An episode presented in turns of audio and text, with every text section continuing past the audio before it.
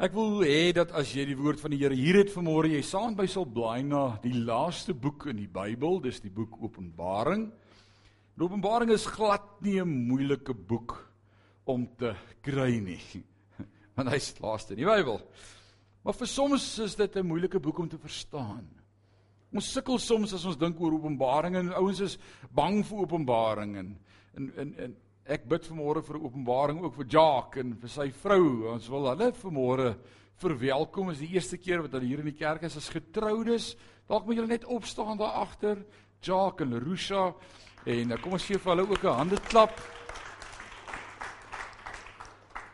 Daar sê baie baie welkom. Hy is nou 'n getroude man en sy gebedslewe het sommer oornag verander. Hy bid nou anderster. Nou, hy moet nou bid vir sy gesin ook. Dit is great. George mag julle ook die guns en vrede van die Here beleef. Openbaring. Baie mense is bang vir Openbaring. Hulle dink Openbaring is 'n boek vir die eindtyd of vir die laaste dae en dit gaan oor eskatologie, daai moeilike woord wat sê eindtyd gebeure en wat nog gaan gebeur en ons leer van die Gog en die Magog en die slag van Armageddon en die pes en die haal en moeilike dinge wat gaan gebeur en ons is bang vir Openbaring. Ons wil nie weet wat daar staan nie. Maar ek wil vanmôre vir jou sê Openbaring is die enigste boek in die Bybel met 'n blessing en die blessing reg aan die begin van die boek sê die woord vir elkeen wat hierdie boek se woorde lees en hoor en doen is daar 'n beloning. En daar's iets great daaraan en ek sien vanmôre net die boek Openbaring net as eindtyd gerig nie, maar as 'n openbaring van Jesus die Christus. En in hierdie reeks oor hoop waaroor ons praat, dink ek dis nodig vir die kerk om weer te besef wie Jesus is. Die Jesus is nie die een aan die kruis nie. Dis nie daai prentjie wat ons het teen ons teen daar teen die muur van liewe Jesus is in die skapies of met die kindertjies op sy skoot nie. Dis great. Maar hy's die seun van God. Hy's die koning van die konings en ons gaan vanmôre in Openbaring 1 gaan ons hierdie prentjie raak sien. Nou ek wil lees saam met jou van vers 10 af, nou net die agtergrond te skets. Hier sien ons vir Johannes op die eiland Patmos en daar terwyl hy op die eiland Patmos is, dis so om en by 50 myl af die Weskus van Turkye, en terwyl hy daar is in gevangenskap, in ballingskap eintlik, hy het hom bietjie pak gegee en geslaan, hulle is kwaad vir hom want hy preek oor Christus en die kerk beleef vervolging uh deur keiser Nero. Die Rome Romeine wil hulle doodmaak en dan gooi hulle hom op hierdie eiland waar daar slange en skorpioene is en rotse reg rondom in die see. Hy kan nie eers daar afkom nie en hulle los hom eintlik daar om dood te gaan en dan in hierdie krisis wat hy beleef, praat God met hom. En ek wil een ding kategories vanmôre oor elkeen se lewe uitspreek. Dis wanneer jy in die krisis is dat God met jou wil praat. Dankie vir al daai amens. Dis 'n hartlike verblywende. Dis kry, dis wanneer jy in jou krisisse is. Wanneer ek meer geneig is om my oor tot God te draai en te hoor wat sê die Here vir my. Is dit nie so nie? Dis wanneer ek in my krisis kom dat ek besef net die Here kan my help. Dis wanneer jy eendag in jou lewe in krisisse kom wat jy leer om te bid. Krisisse het my en my lewe leer bid en leer op God vertrou. En vandag as ek terugkyk, kan ek saam met Paulus verklaar in Romeine 8:28 alles werk mee ten goeie. Alraai. So dis die agtergrond. Johannes is op hierdie eiland en nou kyk wat gebeur hier in vers 10. Hy skryf nou en hy sê ek was in die gees op die dag van die Here. So hy's op 'n eiland, hy's verlate, hy's alleen, sy lyf pyn, Hy het 'n krisis wat hy beleef, maar hy was in die gees op die dag van die Here. Nou dis beautiful vir môre om dit te lees. En dan is die vraag sommer vir môre aan elkeen van ons, wanneer laas was jy in die gees? Wat beteken dit om in die gees te wees? Sê maar ek is mos hier en ek is wakker en ek is by my positiewe, ek is mos hier, ek's attent, maar wat beteken dit om in die gees te wees? En dan nog op die dag van die Here. Nou wanneer was die dag van die Here gewees? Kom ons praat eers daaroor. In Klein-Asië is ek seker hulle het na Sondag verwys as die dag van die Here, die eerste dag van die week vir die eerste Christelike gelowiges. Nou hoe weet ek dit? En ek gaan dit nou vir jou uit die Bybel uit wys. Want baie mense sê in ons dag, ons hou op die verkeerde dag van die week kerk. Ons moet Sabbat hou op die Saterdag.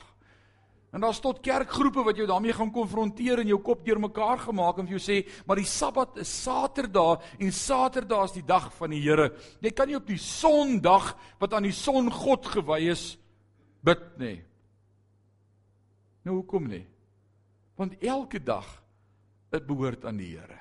En elke dag is 'n Sabbat. Maar hoekom hou ons as kinders van die Here dan nie op Saterdag kerk nie, maar op Sondag? En ek lees dit vir jou. Handelinge 20 vers 7 sê en op die eerste dag van die week, sê met my eerste dag. Wanneer is die eerste dag van die week? Sondag. Dis die eerste dag. Saterdag is die Sabbat, dis die sewende dag. En nou sê Handelinge 20 vers 7, maar op die eerste dag van die week, toe die disippels vergader het om brood te breek, het die liggaam van Christus gebreek, herdenk dat hy doodgemaak is, maar dat hy opgestaan het. Hulle het nagmaal gehou as gelowiges. Het Paulus hulle toegespreek omdat hy die volgende dag sou vertrek en hy het sy rede gereg tot middernag toe. Imagine daai preek om in sy kerk te gewees het om. Hy het gepreek van die son opkom tot die son daai nag 12 uur toe preek hy nog. Jy dink ek het 'n lang asem. En dan lees ons daardie gedeelte dat daar 'n man in die venster gesit het en in slaap geraak het en toe val hy uit die vensterbank en hy is mors dood. En Paulus sê, "Uh, uh jy gaan nie hier wegkom nie." Hy bid hom lewendig, sit hom terug in die venster en sê, "Let op in die klas." En hy preek verder. As jy vanmôre hier in die slaap raak, gaan ek jou opwek uit die dode uit. 1 Korintiërs 16 vers 1 en 2 Wat die insameling van die heiliges betref, moet julle ook so doen soos ek vir die gemeente in Galasië gereël het. Op die eerste dag van die week moet elkeen van julle self op sy sit en opspaar na mate sy voorspoed is, sodat die insameling nie eers gepaard gaan wanneer ek kom nie. Daar's iets wat gebeur het in die eerste kerk. Hulle het Sondag die opstanding herdenk. Imagine daai eerste Sondag toe Jesus 'n week opgestaan het uit die graf uit, het die disippels vir mekaar gesê, dis 'n week kom ons selebreit dit. Dis 2 weke, kom ons selebreit dit. En vanmôre gaan ons ook saam die liggaam van Christus selebreit. Dis Sondag, dit was 'n Sondagoggend wat hy opgestaan het. Ons hou vandag as 'n Sabbat. Alraight. So moenie laat hulle deur mekaar maak en sê Saterdag is die Sabbat nie. Nou hier's 'n interessante ding wat ek sien hier. Hy was in die Gees. Hoe wat beteken dit om in die Gees te wees? Hy was nie kwaad vir God oor op die eiland is nie. Hy murmureer nie en sê hoekom sit ek hier nie. Hy rebelleer nie. Hy sê nie ek verdien dit nie. Nee, hy kom in God se teenwoordigheid in op hierdie dag. Nou ek wil sê ek en jy kom ook op plekke van isolasie en moeilike omstandighede, maar dit kan ons nooit skei van God se teenwoordigheid nie. Niks kan ons skei van God se teenwoordigheid nie. Nie 'n siekbed nie, nie 'n dood nie, niks kan my skei om met God te connect nie. Dis awesome. So die vraag dan is hoe kom ek en jy in die gees op die dag van die Here? Want soms voel dit vir my en vir jou ook asof ons in 'n gevangenis sit, soos op Patmos. Wel die beste ding om te doen is om God te begin aanbid. Begin lofliede sing tot eer van sy naam. Begin met hom praat. Begin connect met hom. Dis die awesomeste. Wanneer ek soms voel my my boat got rock en en dat die water kom in en dit voel vir my dinge loop skeef en gaan deurmekaar, dan herinner ek myself aan die storie van Habakuk. Habakuk se lied is vir my persoonlik een van daardie dinge in my lewe wat my net weer terugruk na die realiteit van God is in beheer. Julle ken daai lied ons sing dit hier in Sion wat sê al sou die vrye boom nie bot nie en die opbrengs van die lande teleurstel, die olyfoes misluk. Die vee uit die krale verdwyn en die stal leeg bly staan. Nogtans sal ek in die Here jubel, sal ek juig in God my redder. Hoekom? Hier kom my antwoord. Die Here my God. Hy gee vir my krag. Hy maak my voete soos die van 'n ribbok op hoë plekke laat hy my veilig loop. Jy sien nou begin ek skrif kwoteer. En ek sê vir myself soos wat Dawid vir homself ook gesê het, self, wat is jy so onrustig in my hart? Wat is jou storie? Hoekom voel jy so depressed en depro en down? Hoekom dink jy dis die einde van die lewe self? God is in beheer. Hy maak my voete soos die van 'n ribbok en dan begin ek op God fokus en ewe skielik raak ek bewus van God se grootheid en ek connect met hom. Nou kom ek in die gees. Ek fisies nie meer met my vlees op die omstandighede en ek kyk na hoe donker dit is en wat gebeur in die nuus en wat gebeur nou weer met Rusland en en wat gebeur nou weer met die koronavirus. Ek my oë is nie op dit nie. My oë is op God en hy is koning. Nou is ek in die gees. 1 Korintiërs 14 vers 15 sê hoe staan die saak dan? Ek sal met die gees bid, maar ek sal ook met die verstand bid.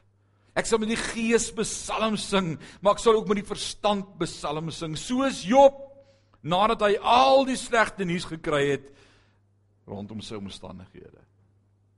So hier skryf 1 Korintiërs 14 Paulus vir die gemeente in Korinte en hy sê selfs Job toe hy slegte nuus kry en hoor van sy kinders wat dood is en sy besittings wat gesteel is en sy huise wat afgebrand is en en al die terrible nuus het hy sy krag in God gekry. En dis wat ek ook gaan doen. Dis 'n goeie besluit vir môre. Dis waar ons begin om in God se teenwoordigheid te kom. Ek gaan begin om uit my omstandighede te beweeg en God te begin verheerlik. 1 Korintiërs 14 vers 14 sê want as ek in 'n taal bid dan bid my gees maar my verstand is onvrugbaar. Dis 'n manier om in die gees te kom. Dis wanneer ek met my hart begin bid. Wanneer ek gelei deur die Heilige Gees begin, wanneer ek in my taal begin bid, as ons gedoop is met die Heilige Gees, daardie awesome taal, die woord sê ek weet nie wat ek bid nie, maar die Heilige Gees tree vir ons in met onuitspreeklike versigtings by die Vader. Stig jou geloof. Judas 1 vers 20 sê maar julle geliefdes moet julle self opbou in julle allerheiligste geloof en in die Heilige Gees bid. Dis awesome. Wanneer ek voel ek sien hier omstandighede in my kop is met hierdie goed besig wat om my gebeur, om my oë toe te maak op God te fokus, hom begin aanbid, hom te verheerlik, hom psalm te sing en te connect met hom. Dis hoe ek in die gees kom. Wanneer die vlees nie meer vir my die die faktor is nie maar my verhouding met hom. En ek wil sê gemeente, dis waar ons hoop lê, is om meer in die gees te kom. Ons is te veel met ons vlees en die verstand besig met statistieke en syfers en omstandighede en die nuus en die media en gerugte en ou oh man, dit trek ons fokus van God af. Kom in die gees. Laat my dink aan hierdie verhaaltjie van hierdie kleerlinggemeente daar in die Kaap in die Cape Flats Hulle het 'n intens spesiale dienste gehou en die een suster gryp die paal so en sy draai so al om die paal terwyl hulle sing en die pastoor stop die diens. Hy sê vir haar jy moet in die gees dans, nie in die vlees nie. En die musiek begin weer en sy is weer om die paal en die volgende oomblik hak haar voet vas en sy slat daar neer. En die pastoor sê vir haar: "Sien jy, ek het gesê jy moet in die gees dans." Dis wanneer ek en jy in die vlees is dat ons teleurstelling beleef dat ek depressie beleef, dat ek beleef dinge raak vir my te veel, ek beleef bekommernis, ek beleef angs. Maar wanneer ek my oë op God hou, wanneer ek in die gees is, wanneer ek fokus op dit wat saak maak, dan versterk my gees te midde van wat om ons gebeur. Nou kyk wat gebeur hier en dis awesome want ek wil vanmôre vra, hoe weet ek en jy of ons in die gees is? Nou hier kom ek met 'n barometer vanmôre om jou te help en jou te motiveer en te sê wat gebeur wanneer ons in die gees is en hoekom is dit belangrik om in die gees te wees? In die eerste plek vers 10 sê ek was in die gees op die dag van die Here en ek het agter my 'n groot stem gehoor, sê saam met my gehoor. Die eerste ding wat gebeur met my en met jou wanneer ons in die gees is, is ons geestelike ore gaan oop om God se stem te hoor. Baie mense sê vir my, "Hoe weet ek God praat? Hoe praat God met my? Hoe weet ek God is daar?" Connect met God in die gees en jou ore gaan oop gaan. Jy gaan agterkom God praat met jou. God praat met 'n groot stem soos 'n bassein agter hom. En ek wil sê iemand wat in die gees is, hoor God praat. En wat sê die stem vir hom? Ek is die Alfa en die Omega, die eerste en die laaste en skryf wat jy sien in 'n boek. Hier's die tweede ding wat gebeur. Skryf. Sê saam met my skryf. Wanneer ek 'n verwagting het dat God met my gaan praat en ek sien die Gees, dan is ek ook gereed om as hy vir my iets sê, dit neer te skryf. As jy 'n belangrike simposium gaan bywoon waar daar belangrike feite gekommunikeer gaan word, 'n workshop of 'n opknappingskursus in jou studieveld of 'n praatjie wat jy voor plek bespreek het en hulle gaan inligting weergee, dan kry jy 'n notaboek en 'n pen, nê? En dan maak jy belangrike aantekeninge. Want jy het 'n verwagting dat wat hierdie spreker vandag met jou gaan deel belangrik genoeg is vir jou om te onthou. Jy gaan dit neerskryf.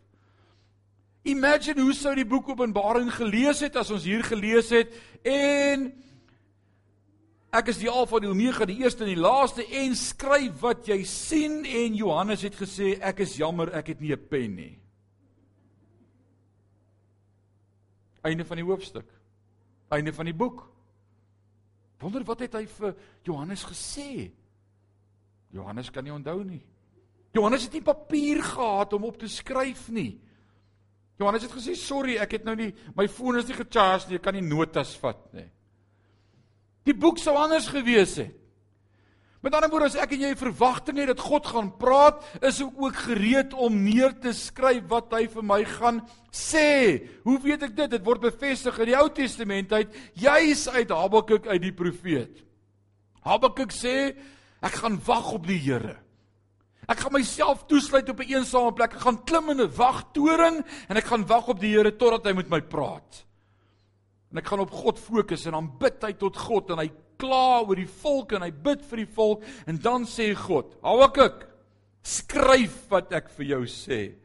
En toe sê Habakuk: "Sorry. Wag net so 'n bietjie, ek kom net nou weer." Nee, Habakuk was gereed om te begin skryf wat God deel. Daarom wil ek sê 'n kind van God se lewe hou jy nie stilte tyd sonder 'n pen en papier nie. Wie kan sê amen? Jy hou stilte tyd met 'n pen en papier. Jy bid in die gees, maar jy hoor ook wat God vir jou sê en dan skryf jy neer wat deel God met my. As ek vanmôre vir julle as gemeente sou sê, ek het vanmôre 2 uur 'n visioen ontvang en gesig by die Here gekry En ek gaan vanmôre vir jou die 6 lotto nommers van Woensdag aand nou gee. Alraight, hier kom hulle. Nommer 1 7 3 19 25 en 21. Het julle dit? Bonus Powerball is 43. Wie dit neergeskryf? Nee, een gaan dit weet. Het jy dit neergeskryf? Pragtig. Een het geloof in haar pastoor. Sien as ek glo iemand sê vir my iets wat belangrik is om te onthou, dan maak ek 'n aantekening. So hier gebeur iets. In die eerste een sê hy was in die gees op die dag van die Here. Wat gebeur? Hy hoor wat gebeur volgende. Hy sê ek het geskryf. Nou kom ons lees volgende wat gebeur. Ek was in die gees op die dag van die Here en ek het agter my groot stem gehoor soos van 'n bassein wat sê ek is die alfa en die omega die eerste en die laaste en skryf wat jy sien in die boek en dan gebeur 'n derde ding. Skryf wat jy sien in die boek en stuur dit na die sewe gemeentes wat in Asië is en dan noem hy die gemeentes Efese, Smyrna, Pergamus, Thyatira, Sardes, Philadelphia en Laodicea en dan wat gebeur? Hy sê en ek het my omgedraai. Hoe weet ek iemand is in die gees? Jy hoor God met jou praat. Jy skryf dit neer want dit is vir jou belangrik genoeg om te onthou. En dan gaan jy oor tot aksie en jy draai jou om. Kom ek sê dit prakties vanmôre. Dis wanneer ek alleen in my binnekamer is en met God tyd spandeer en hom aanroep en ek sy stem hoor as hy vir my sê Rinus ek wil hê jy moet meer tyd spandeer in my teenwoordigheid. Dan skryf ek dit neer Die Here sê ek moet meer tyd in sy teenwoordigheid spandeer. Hmm. Ek gaan my omdraai van my ou gewoontes om net een keer 'n dag te bid. Ek gaan begin om 3 keer 'n dag God se aangesig te soek. Ek gaan omdraai. Ek gaan dit doen wat die Here vir my sê om te doen. Dalk praat hy met jou oor 'n gewoonte of 'n verslawing in jou lewe. Dis wanneer ons alleen is voor God wat hy met jou praat oor daai dingetjie by jou wat nog nie op die plek is waar dit moet wees nie. En wat gebeur dan? Wat wat is my respons? Dis reg, Here. Daai ou koortjie sê the things I used to do, I do them no more. It was a glad day when I was born again. Dis heiligmaking. En in my verhouding met God, in my tyd wat ek met God spandeer, in my bid, in my binnekamer sê die Here vir my Rinus, ek wil hê jy moet meer tiende begin betaal. Sê ek Here, maar ek kan nie my somme budget nie, dit gaan nie klop nie. Ek gee my tiende, ek kan niks meer gee nie. En die Here se Gees sê vir my, skryf neer wat ek vir jou sê. Trust my met meer.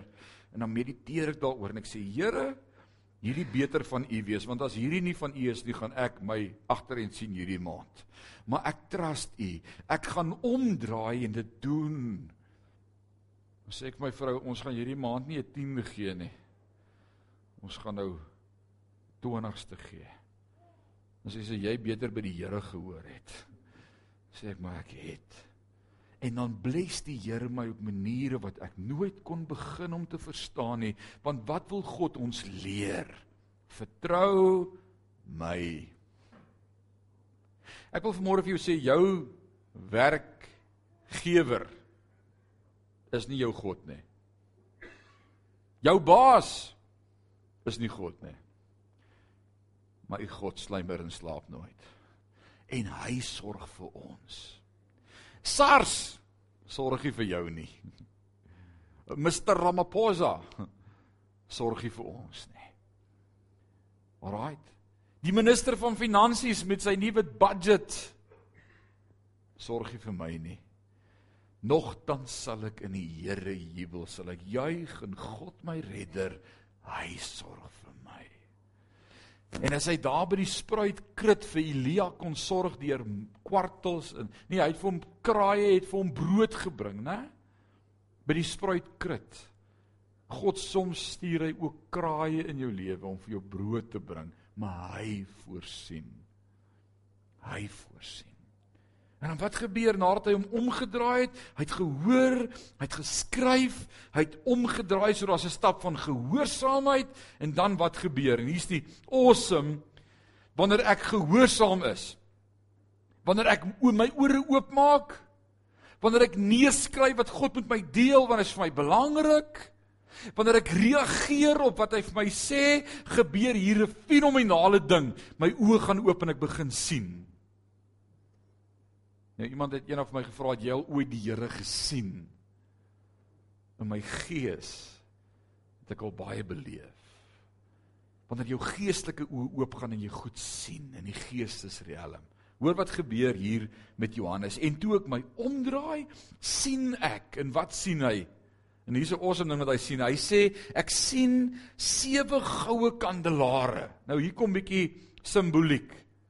Hier's 'n prentjie wat hy sien. Hy sien sewe goue kandelaars en tussen die sewe goue kandelaars een soos die seun van die mens. Hy sien Jesus, maar hy sien hom sewe tussen sewe kandelaare. Nou wat is die prentjie? Hoekom verstaan ons hoe vers 20 sê vir ons wat dit is? Vers 20 sê die verborgenheid van die sewe sterre wat jy my regterhand gesien het en die sewe goue kandelare, die sewe sterre is die engele van die sewe gemeentes en die sewe kandelare wat jy gesien het is die sewe gemeentes. Sê saam met my gemeentes.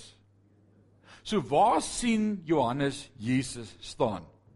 In die middel van die sewe gemeentes. Waar's Jesus? In die kerk. Baie ouens sê in my dag vir my, ag ek hoef nie kerk toe te gaan nie. Ek het 'n verhouding met die Here. Ek kerk sommer by die huis of voor die TV of in my binnekamer. Dis great. Maar dis wanneer ek in die kerk is wat ek iets beleef en sien en ervaar van Jesus. Hier sien ek iets van Jesus. Dis wanneer ek hier is En ek sien vir Johan en ek onthou sy storie van waar hy was in die wêreld en hoe rof hy was en hoe onbekeerd hy was en ek sien in sy lewe die genade van Christus en hoe die Here hom verander het en hoe hy die Here liefhet en sy hande opsteek en trane oor sy wange loop wat ek iets sien van God se genade wat my herinner aan wie Jesus is. Dis wanneer ons so saam is, ek 'n klein babietjie sien en ek weet soos wat ons God vertrou, gaan sy ook leer om God te vertrou. Jesus is awesome.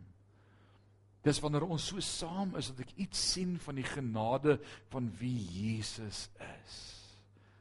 Dis wanneer ons so saam is dat ek dink aan besigheidsmense wat hier is vanmôre wat gaan getuig van hoe God vir ons voorsien te midde van moeilike omstandighede en my geloof word gestig en gebou om te sê ek wil God ook so vertrou. Dis awesome. Hier sien ons iets van wie Jesus is. Dis great. Nou baie interessant Openbaring 2 en 3 as jy net bietjie sou aanlees en ek noem dit sommer vanmôre, dan sien jy sewe briewe wat aan sewe gemeentes geskryf word en elke keer in elkeen van daai gemeentes is daar net een karaktereienskap van wie Jesus is wat hy met daai spesifieke gemeente deel. Vir die een gemeente sê hy ek is die Alfa en die Omega. Vir hierdie gemeente sê hy dis wie ek is. Vir hierdie gemeente sê hy iets anders. En toe ek daaroor wonder en leer en dink, toe sê ek, Here, maar hoe werk dit? U gee nie vir een gemeente die hele prentjie van wie U is nie. Toe sê die Here, dit is hoe ek werk. Ek praat met my vriend Dominee Janie daar by die Baptiste. Dan sê hy, ons verstaan alles. Ons het die woord en die woord is alles. En alles wat ons moet weet is in die woord. En God werk nie buite sy woord nie. En alles moet volgens die woord verklaar word en die woord is die ultimate, dis die woord van God. Dan sê ek vir hom nee Janie, maar ek verskil van jou. Ons het die Heilige Gees. Jy sien ons glo die Heilige Gees openbaar dit aan ons en die Heilige Gees praat met ons en die Heilige Gees ons maak op hom staat en dan sê Janie nee ek verstaan nie die Heilige Gees so nie. En dan praat ek en Dominee Ian en dan sê hy nee man, jy die kat aan die stert beet. Ons het die verbond, ons is verbondskinders, verbondsteologie. Julle verstaan, julle apostolies verstaan nie. Ons doopkinders want die verbond van Abraham, Isak en Jakob is ook deel van hulle. Dan sê ek nee Dominee, jy verstaan nie. Maar so sien elkeen ietsie raak van die groot prentjie en ons dink by mekaar Hoekom sien ons nie dieselfde prentjie nie? Maar wanneer ons as Christene, as kinders van God, die kerk globaal bymekaar kom eendag voor God se troon, gaan ek sê, "Haai, jy het iets verstaan wat ek nie raak gesien het nie." En nou Janie gaan vir my sê, "Jy het iets gesien wat ek nie gesien het nie." En daarom wil ek die vermaaning vanmôre tot elkeen rig, oppas dat jy dink jy weet alles. Dis wat ek hierin sien dat Jesus so awesome is dat hy stukkies van homself deel met sekere groepe. En ons is so vinnig om te judge en te sê, "O nee, hulle die kat aan die stert beet." Don't. They only know what God gave them to know. And it's only a piece. En daarom kom Paulus en hy sê in die gemeente in Korinte, hy sê ons ken 10 dele. Oh man. How big is God? How big and vast is His domain? To begin to tell this lips could only start. He's big enough to rule this mighty universe, yet small enough to dwell within my heart. Ek weet nie alles nie. Maar as ek in die gees is, dan besef ek die ou stukkies wat God met my deel is kosbaar. Alraai, dis awesome. Nou wil ek vanmôre met jou deel wat sien Johannes as hy dan omdraai want hier sien hy 'n awesome openbaring van God vanmôre. Vers 12 sê: "Toe draai ek my om om te sien watter stem met my gespreek het. En toe ek my omgedraai het, sien ek sewe goue kandelare. En tussen die sewe goue kandelare een soos die seun van die mens met 'n kleed wat tot op sy voete hang, gegord om die bors met 'n goue gordel. En sy hoof en sy hare was wit soos wol, soos sneeu en sy oë soos 'n vuurvlam en sy voete soos blink koper wat gloei soos 'n oond en sy stem soos die stem van baie waters. En in sy regterhand het hy die sewe sterre gehou. En 'n skerp tweesnydende swaard het sy sy mond uitgegaan en sy aangesig was soos die son wat skyn in sy krag. En toe ek dit sien, toe ek God se teenwoordigheid beleef, toe ek die prentjie kry van gehoorsaamheid, ek het gehoor, ek het geskryf, ek doen, Ek draai, my lewe verander, kom hier 'n awesome dimensie in jou geestelike verhouding met God. Iets gebeur. Wat skryf Johannes hier vers 17 sê en toe ek hom sien, val ek soos 'n dooie aan sy voete. In my eie lewe kom ek agter dis wanneer ek op daardie plek kom wat ek God se stem hoor en wanneer ek dit neerskryf en wanneer ek vir myself sê ek gaan dit nou doen en gehoorsaam word aan God dat hierdie ou vlees voor God wil buig. En ek net so bewus is van God se grootheid en sy almag. Ja, jy kan op die Bybel op die bed lê en bid, dis fyn. Jy kan in 'n lekker gemakstoel sit, great. Maar daar's iets wat gebeur wanneer jy op jou knie voor God gaan.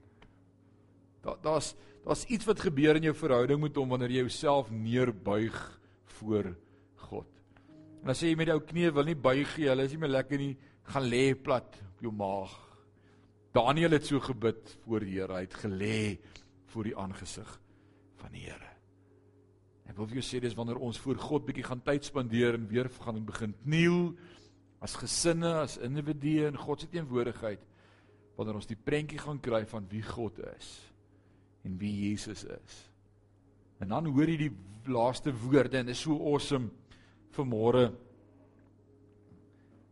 vers 17 En toe kom sien val ek soos 'n dooie aan sy voete en hy het sy regterhand op my gelê en vir my gesê En ek wil vanmôre sê dis die boodskap wat ek en jy kry wanneer ons in God se teenwoordigheid is. Dis die boodskap wat ons vanmôre kry by die Here as ons hier uitstap. Te midde van omstandighede, te midde van wêreldekonomie en van oorloë en gerugte van oorloë en hongersnood en aardbewings en pestsiektes en al hierdie goed wat gebeur, want die intensiteit waarmee goed gebeur is net mind-blowing, is dit nie? Die een oomblik is die roebel af en die volgende oomblik is hy terug waar hy was. In die een oomblik val Rusland die Oekraïne binne en dan dink ons hier's 'n wêreldoorlog en die volgende oomblik sê die res van die wêreld nee, ons gaan nie daar karring nie, gaan maar aan, skiet alles plat. Ons ons maak op ons nie sien nie. Net wat ons gedink het met die Jode gebeur het in die Tweede Wêreldoorlog sal nooit weer gebeur in die wêreld nie. Waar menseregte so geskend word nie en weer eens kyk die hele wêreld weg en sê ons sien nie wat gebeur in Oekraïne nie. En ons kan dit nie verstaan nie. Maar hoor wat sê die woord van die Here vanmôre En die boodskap is dieselfde elke keer as ons in God se teenwoordigheid kom. Moenie vrees nie. Sê gou agter my aan vir jouself vanmôre. Sê moenie vrees nie. Vrees is nie van God nie. Die woord sê Paulus skryf dit vir Timoteus as hy sê ek het jou nie gees van vreesagtigheid gegee nie, maar van liefde en van krag en van selfbeheersing. En die eerste ding wat die duiwel met jou wil regkry is vrees. Moenie vrees nie. Dis wat Jesus deel hier met Johannes. Hy sê vir moenie vrees nie. Ek is die eerste en die laaste en die lewende. Ja, en ek was dood. Maar kyk, Ek leef tot in al ewigheid. Hy leef vir môre. En hierdie ou broodjie en hierdie kelkie vir môre vir my en vir jou sê hy leef. Jy het kelkie gekry? As jy nie een het nie, steek gou jou hand op en ons wil seker maak elkeen het 'n kelkie om vir môre deel te neem aan die nagmaaltafel. Hierdie is nie die tafel van die AGS kerk of van 'n kerkgenootskap nie. Hierdie is die tafel van Jesus Christus en as jy verklaar dat jy sy kind is en hy koning van jou lewe is, dan kan jy vanmôre saam met my aansit aan die tafel. Steek gou jou hand op as jy nie 'n kelkie het nie. Ons wil gou seker maak almal het kelkies. Sal niemand onder nie bo op die galery. Lyk of almal het. Maak daai broodjie oop, trek daai plasties af. En vanmôre sê ons vir hom, Jesus, dankie dat u gekom het. Dankie dat die openbaring wat Johannes van u ontvang het in Openbaring 1 vanmôre ook vir ons waar is dat u nog steeds leef. U is die eerste en die laaste, die lewende. U was dood, maar u leef tot in alle ewigheid en u hou ons vas en u kom sê vanmôre vir ons, moenie vrees nie. Ek is die koning van die konings. Dankie dat ons vanmôre mag deel hê aan u liggaam. Dat u vir ons uitmekaar gebreek is sodat ons mag deel hê aan die lewe in Christus. Ons eer U daarvoor in Jesus naam. Kom ons eet saam sy liggaam.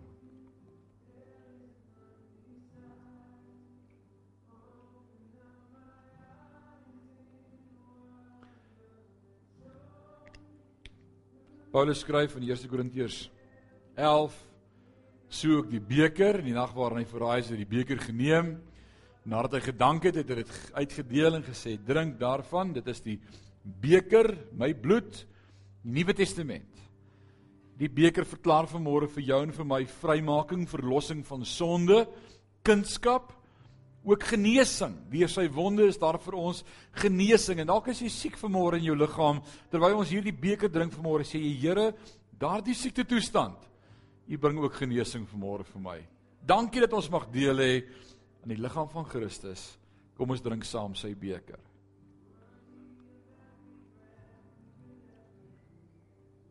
Vader, ons sê vanmôre vir U dankie vir die openbaring van Jesus Christus. Ek weet dat U in hierdie dag Uself aan elke kind van God wil openbaar as 'n realiteit, as 'n werklikheid. Dat U lewe, die boodskap van môre is dieselfde as aan Johannes. Moenie vrees nie. Ek is die Alfa en die Omega, die eerste en die laaste. En ek het gesterf, ek was dood, maar kyk ek leef tot in ewigheid. En mag U ook in hierdie dag in ons harte lewe. Mag ons in die Gees wees op die dag van die Here. Mag ons met U connect en help ons om gehoorsaam te wees en om te draai as U met ons praat. Ek bid dat U in hierdie week met ons sal wees. Mag ons U beleef en ervaar en weet U is naby ons. Ons eer U daarvoor in Jesus naam en sê ons sê amen en amen. Gaan in